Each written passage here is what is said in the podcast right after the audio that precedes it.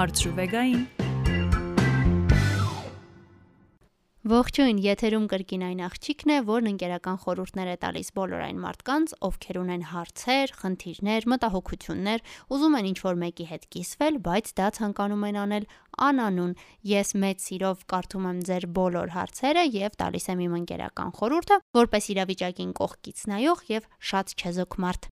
Եթե առաջին անգամ ես միանում այս ոդքասթին, ապա առաջարկում եմ լսել նաև նախորդ էպիզոդները, որովհետև վստահ եմ, որ այնտեղ կգտնես բազմաթիվ իրավիճակներ, որոնք նման կլինեն քոնին, գուցե դու էլ քեզ համար գտնես որոշ հարցերի պատասխաններ։ Չնայած ու նույնպես կարող ես ուղարկել քո հարցը, parzapes փնտրիր մեր էջերը սոցկայքերում, Facebook-ում, Instagram-ում կամ գտիր հենց ինձ Instagram-ում, այնտեղ ես շփաթը 1 կամ 2 անգամ տեղադրում եմ անանուն հարցերի պատուհան, որտեղ կարող ես ուղարկել քո հարցը եւ այդ դեպքում հեղինակի անունը չեմ տեսնի նույնիսկ ես։ Այս շաբաթվա առաջին հարցը հետեւյալն է.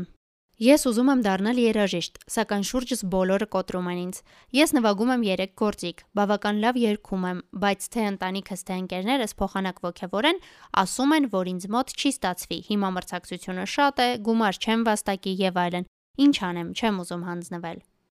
Ամենակարևորը ձեր հարցի մեջ արդեն կա, դուք չեք ուզում հանձնվել։ Դա առաջին քայլն է եւ եթե իսկապես այդքան շատ եք ցանկանում, հիշեք, որ եթե նույնիսկ ձեր մտերիմները չեն հավատում ձեր ուժերին, կարևորը որ դրանց հավատա մեկ մարդ եւ դա դուք եք։ Իսկ ձեր հարցից հասկանում եմ, որ ինքներդ հավատում եք։ Եթե այդքան շատ եք ինչ-որ բանի մասին երազում, իհարկե պետք է անել ամեն ինչ ձեր երազանքն իրականություն դարձնելու համար։ Կարծում եմ, թե ընտանիքի, թե ընկերների հետ պետք է խոսել հասկանալու համար, թե որն է նրանց մոտիվը, այսպես ասած, ձեզ ձեր երազանքից, սիրելի մասնագիտությունից յետ պահելու։ Եթե նրանք մտածում են, որ գուցե դուք բավական լավը չեք այդ գործում, գուցե ձեզ մոտ այնքան էլ լավ չի ստացվում, ապա լավ կլինի անկեղծ խոստովանեն։ Չնայած կարծում եմ այս հարցի պատասխանը ավելի ճիշտ կլինի, որ ձեզ տա մասնագետը, ես խորհուրդ կտայի, չգիտեմ, հավաքել մի փոքր գումար, գտնել մասնագետի, ով հասկանում է վոկալից, երաժշտության ոլորտի մասնագետ է մի խոսքով եւ որը ձեզ կկարողանա ասել, թե որքանով է ձեզ մոտ լավ ստացվում, որքան են ձեր շանսերը կամ ձեր նվագած 3 գործիքից որն է որ ձեզ ձեզ մոտ առավել լավ է ստացվում եւ գուցե շեշտը պետք է դնել հենց դրա վրա։ Կարճ ասած, ես առաջարկում եմ ընկերների եւ հարազատների կարծիքից բացի լսել նաեւ մասնագիտական կարծիք, համոզված եմ, որ այն ձեզ շատ կօգնի եւ ճիշտ ուղղության կբերի։ Ինչ վերաբերում է մնացած մտավախություններին, Որքան շատ է մրցակցությունը, այնքան էլ հիմա ավելի շատ են հնարավորությունները։ Նախկինում շատ ավելի դժվար էր որևէ ոլորտում, հատկապես երաժշտության ոլորտում հայտնի դառնալը, որովհետև դրա համար պետք էին պրոդյուսերներ, պետք էին կապեր հերոստանգերություններում, ռադիոներում եւ այլն։ Մեր օրերում այդպես չէ։ Համացանցը իրենց տաղանդը ցույց տալու հնարավորություն տալիս է բոլորին։ Ի վերջո հիշենք, որ բազմաթիվ փոփ արտիստներ օրինակ հայտնի են դարձել հենց համացանցի շնորհիվ այդ թվում Ջասթին Բիբերը, Շոուն Մենդեսը եւ այլն։ Հայաստանում նույնպես ունենք շատ տաղանդավոր երգիչներ, երգչուհիներ, որոնք իրենց կարիերան կարելի ասել սկսել են on-line։ Օրինակ մեր շատ սիրելի Yellow Heart-ը, որին հաջողվեց ինքնուրույն ստեղծել իր անունը, իր բրենդը եւ դառնալ սիրելի մարդ հայկական երաժշտության մեջ։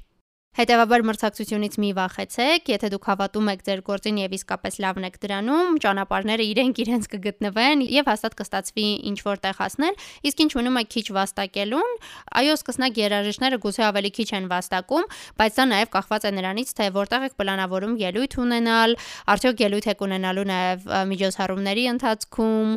կամ ակումբներում, թե ոչ եւ այլն։ Ի վերջո, ցածր են վաստակում առհասարակ բոլոր ոլորտների սկսնակ աշխատակիցները, այնպես այնպես չէ որ նույնիսկ ամենաբարձր վարձատրվող ոլորտում հենց որ սկսեք աշխատել միանգամից շատ գումար եք վաստակելու հետեւաբար խոսեք ձեր ընտանիքի եւ ընկերների հետ ասեք որ ձեր տեսակետին եք մնում որ սա միևնույն է ձեր երազանքն է եւ դուք միևնույն է դառնալու եք երաժիշտ եւ ամենակարևորը երբ արդեն դառնաք իսկ ես վստահ եմ որ ձեզ մոտ կստացվի չմոռանաք մեզ ուղարկել ձեր երգերը որpիսի մենք էլ լսենք հպարտանանք ձեզանով եւ ինչու ոչ գուցե նաեւ տեղավորենք մեր եթերացանցում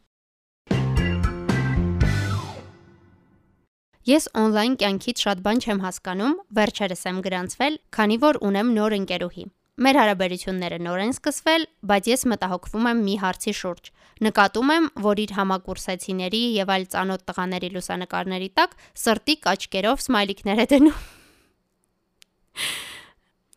Արդյոք սա նշանակում է, որ տղաներն իրեն դուր են գալիս։ սիրո եւ հարաբերությունների հետ կապված որքան որքան խնդիրներ են առաջանում չէ մեր օրերում համացանցում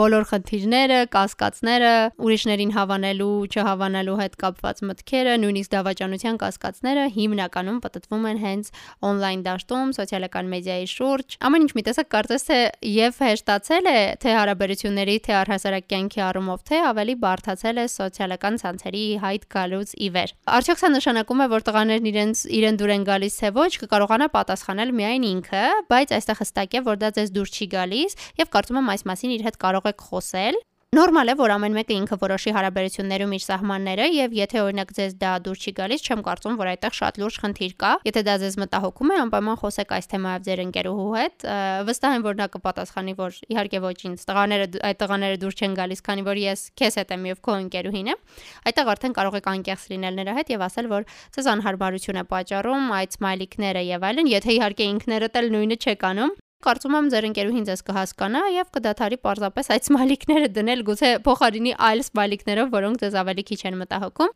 Իսկ առհասարակ նախանձում եմ ձեզ, որ սոցկայքերում նոր եք հայտնվել,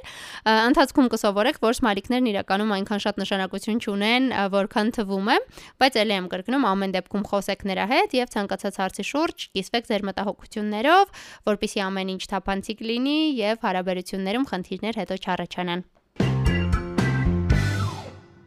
Վեգա խնդրում եմ ասա, իզուր եմ բարկանում։ Մեր երեխան 6 ամսական է, ես ու ամուսինս ապրում ենք առանձին։ Դե փոքր երեխա է, པարզ է որ լաց է լինում, գիշերները քնել չի թողնում։ Ամուսինս էլ շատ է աշխատում ու շատ է հոգնում։ Արդյունքում իր մայրը սկսել է հաճախ կանչել, որ գիշերը մնա, քնի իրենց տանը, հանգստանա, իսկ ես մնում եմ երեխայի հետ միայնակ։ Իհարկե ես դեկրետում եմ, բայց ես էլ պակաս չեմ հոգնում ու արդյունքում մեծ վեճ ունեցանք այս թեմայով։ Կարծում եմ սա անարդար է եւ ինձ մենակ թողնելը ճիշտ չէ սեփական փորձից գիտեմ, որ իհարկե դուք շատ եք հոգնում, գուցե նույնիսկ ավելի շատ, քան եթե սովորական աշխատանք լիներ։ Իհարկե փոքր երեխա պահելը այն էլ այդ շրջանում, հատկապես երբ երեխան շատ է լաց լինում, ամենաամենաբարդ աշխատանքներից մեկն է եւ այո, իմ կարծիքով սա անարդար է, սա արդար կլիներ, եթե նման հնարավորություն ունենայիք նաեւ դուք։ Իհարկե ես հասկանում եմ, որ ձեր ամուսինը շատ է հոգնում, նա նույնպես աշխատում է, բայց ձեր հոգնածությունը պակաս քիչ չէ, ելի եմ ասում, եթե ավելի շատ չի, եւ հետեւաբար եթե նա ունենում է այդպիսի օրեր, երբ երեխային խնամում եք դուք, իսկ ինքը պարզապես գնում եւ հանգստանում է, ապա պետք է ամեն ինչ հավասարաչափ բաշխվի, այսպես ասած, եւ դուք էլ ունենաք նման օրեր։ Որոշ դեպքերում էլ դուք պետք է ունենաք հնարավորություն ամբողջ գիշերը քնելու եւ այդ օրերին էլ թող նա խնամի երեխային, քանի որ դուք նույնպես վստահաբար ունեք հանգստի կարիք եւ ձեր հոգնած լինելը,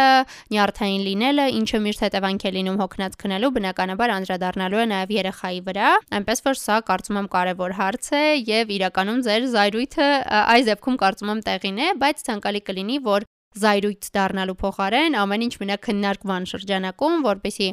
անկեղծ խոսեք ձեր ամուսնու հետ, ասեք, որ մի փոքր վիրավորված եք, նեղացած եք, եւ ի վերջո, եթե չի հավատում, թե դուք որքան եք հոգնում երեխայի հետ ժամանակ անցկացնելուց, թող սկսի օրինակ մեկ ամբողջ օր ձեր պարտականություններն իր վրա վերցնելուց, Չէ, կարծում եմ իսկապես արդար չի ամբողջը ձեր վրա թողնել եւ առհասարակ տանը ձեզ մենակ թողնելն ու երեխայի լացից այսպես ասած փախնելը, քանի որ երեխա ունենալուց առաջ կարծում եմ բոլորս էլ գիտակցում ենք, որ այո, լինելու են նաև անքուն գիշերներ, այո, երեխան լաց է լինելու գիշերը, Հետևաբար ես ես լրիվ հասկանում եմ, համբերություն եմ մաղթում եւ հուսով եմ, որ ամուսնու հետ զրույցը հարցը կկարգավորի։ Արդեն երկար ժամանակ է հասկացել եմ, որ ես այլ զգացմունքներ ունեմ իմ մտերիմ ընկերուհու հանդեպ։ Խոստովանել չեմ պատրաստվում ու հաստատ նման բան չեմ անի, քանի որ նա հարաբերությունների մեջ է այլ մարդու հետ արդեն վաղուց եւ պատրաստվում են շուտով նշանվել։ Բայց ես չեմ ցանկանում նրան կորցնել, որովհետեւ բացի այդ զգացմունքներից, միևնույն է ես նրան շատ սիրում եմ նաեւ որպես իմ մտերիմ ընկերուհի ու ուզում եմ, որ նա միշտ մնա իմ կյանքում։ Ինչ անեմ, ինչպես հաղթահարեմ այս զգացմունքները։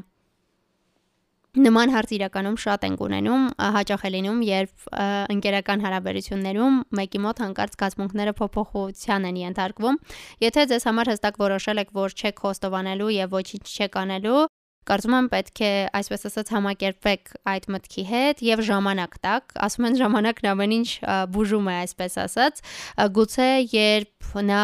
արդեն պաշտոնականացնի հարաբերությունները եւ վերոհիշյալ նշանադրությունը տեղի ունենա, գուցե այդ ժամանակ ինչ որ ներքին հույսեր, որոնք ունեք, դրանք վերանան եւ վերադառնաք ի սկզբանե ընկերական աչքով նայելուն Ցավոք չկա որևէ դեղամիջոց սիրո դեմ, եթե դա իրական սեր է, դժվար է ասել, որ արեք սա եւ կհաղթարեք զգացմունքները, արեք նա եւ կհաղթարեք զգացմունքները։ Ամեն դեպքում խորհուրդ կտամ գոնե ժամանակավորապես քչացնել շփումը տվյալ անձի հետ, գուցե եթե նրան ամեն օր եք տեսնում, ամեն ինչ ել ավելի է խորանում։ Չեմ ասում առհասարակ չշփվեք, բայց շփումը քչացնեք, գուցե ինչ որ բան տեղի ունենա նաև զգացմունքների մասով, վերադառնաք նախնական կետին, երբ պարզապես լավ ընկերներ էիք Եվ ի վերջո գուցե ամեն ինչ փոփոխվի, երբ դուք էլ հանդիպեք ձեր կյանքի սիրուն, գուցե հասկանաք, որ պարզապես այդ մարդուն որպես ընկեր այնքան եք արժևորել, այնքան եք կարևորել, այնքան եք նրանով հիացել, որ արդյունքում այդ բոլոր զգացմունքները շփոթել եք սիրո հետ Ամենակարևորը ձեզ ոչ մի բանում մի մեղադրեք, անկախ ամեն ինչից սերը գեղեցիկ զգացմունք է եւ վստահ եմ, որ դուք գտնեք ձեր իրական սիրուն, ում հետ երջանիկ կլինեք։ Ինչպես ասեմ ընկերուհուս, որ էլ չեմ ուզում շփվել իր հետ։ Օհո, Մենք մանկության ընկերներ ենք, միասին ենք մեծացել։ Սակայն մի քանի ամիս առաջ նա իրեն նոր աշխատանք գտավ եւ սկսեց ընկերություն անել իր նոր գոլեգաների հետ, որոնք ինձնից շատ տարբեր, մի տեսակ շատ գլամուր աղջիկներ են։ Ինչ սկսել է նրանց հետ շփվել, ընկերուհուս այլևս չեմ ճանաչում։ Սկսել է ինձ մի տեսակ վերևից նայել։ Պարբերաբար մեկնաբարությունները թողնում արտակինիս, հակոստիս, Մազերիս եւ դիմահարդարմանս հետ կապված բարբերաբար նեղացնում է, վիրավորում է, կարծես իր համար վերջին տարբերակը լինեմ։ Այսինքն ինձ տեսնում է միայն այն ժամանակ, երբ հանդիպումներ կամ այլ պլաններ չունի այդ նոր ընկերուհիների հետ։ Այս թեմայով իր հետ խոսել եմ, չի ընդունում սխալը, ասում է, որ չափազանցնում եմ, որ սխալ եմ հասկանում, մի քանի անգամ եմ խոսել, բայց ոչինչ չի փոխվում։ Մտածում էի պարզապես առհասարակ էլ չպատասխանել իր զանգերին եւ նամակներին, բայց ընկերս ասում է, որ պետք է գոնե խոսեմ իր հետ ու ասեմ, որ չեմ ցանկանում այլևս շփվել։ Ինչ խորհուրդ կտաք։ Ես միանշանակ համաձայն եմ ձեր ընկերոջ հետ։ Իհարկե շատ-շատ ցավալի է, որ հայտնվել եք նման իրավիճակում եւ ցավալի է, որ մարդը ում անկույց ճանաչել եք կարող է հանկարծ այդպես փոխվել եւ ձեզ ցավ պատճառել, Բայց անկախ դրանից ես միևնույն է համաձայն եմ ձեր ընկերոջ հետ եւ կարծում եմ որ խոսել պետք է։ Եթե նախկինում խոսել եք եւ ասել եք ձեր մտահոգությունները, սակայն նա դրանք չի ընդունում եւ դուք ի վերջո կայացրել եք այդ որոշումը այլևս ընկերներ չլինելու, դուք կարող եք միևնույն է ավելի մեծահոգի գտնվել, քան նա եւ իրեն այդ մասին տեղյակ պահել։ Ես կառաջարկեի հանդիպել, ասել որ կարծում եք որ ձեր ընկերությունը այլևս ընկերություն չէ կամ այլևս այն չեք ստանում ձեր հարաբերություններից ինչ տալիս եք կամ կամ ինչ ակնկալում եք եւ որ ավելի լավ է ել ավելի չխորացնել, ամեն ինչ ել ավելի չփչացնել եւ դադարեցնել շփումը մինչեւ հանկարծ ինչ որ ավելի մեծ վեճ կլինի կամ ավելի իրարից կհիասթափվեք։ Իհարկե սովորաբար նման դեպքերում որոշ ժամանակ անց մարդը միշտ հասկանում է թե ինչ է կորցրել եւ հասկանում է որ այդ կեղծ երևույթների ցուցադրական ընկերության յետևում ոչինչ չկա եւ նման մարդիկ սովորաբար փորձ են անում վերադառնալու վստահ եմ ձեր դեպքում նույնպես նույնն է տեղի ունենալու եւ որոշ ժամանակ անց եթե որոշեք ավարտել հարաբերությունները ձեր ընկերուհին փորձ կանի վերադառնալ ձեր կյանք այդ դեպքում արդեն դուք պետք է հասկանաք որքանով է նա փոխվել որքանով եք պատրաստ ներել նրան եւ վերականգնել ընկերությունը